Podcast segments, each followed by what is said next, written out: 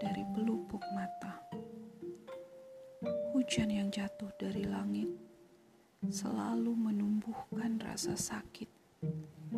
Hati seperti terjepit dengan rindu yang berderit-derit.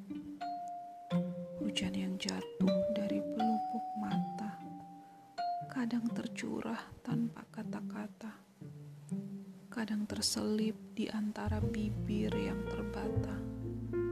Gigilnya merasuk hingga ke jiwa. Yang pertama sesekali mengundang yang kedua. Yang kedua kadang-kadang bersembunyi di belakang yang pertama. Dua-duanya datang dengan haru.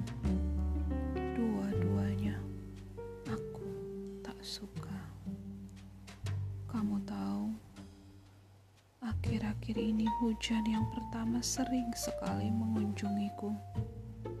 Bisa kurasakan dingin di atap, jendela, dan pintu-pintu.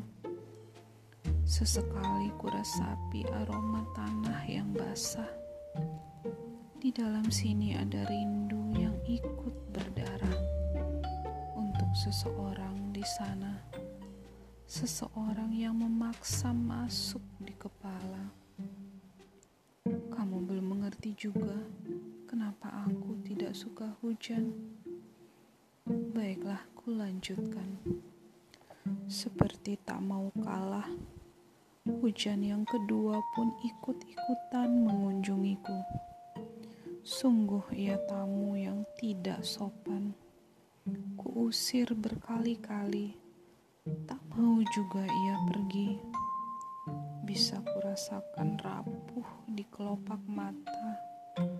Lelah. Kalau tak segera kuseka, tak tahu apa jadinya. Dan aku mengutuki diri sendiri untuk kelemahan ini. Kamu sekarang mengerti kan kenapa aku tidak suka hujan? Hujan yang baik, berhentilah. Bukankah sudah kukatakan aku sedang jatuh cinta? Bagaimana bisa aku bercahaya jika kau selalu mengikuti?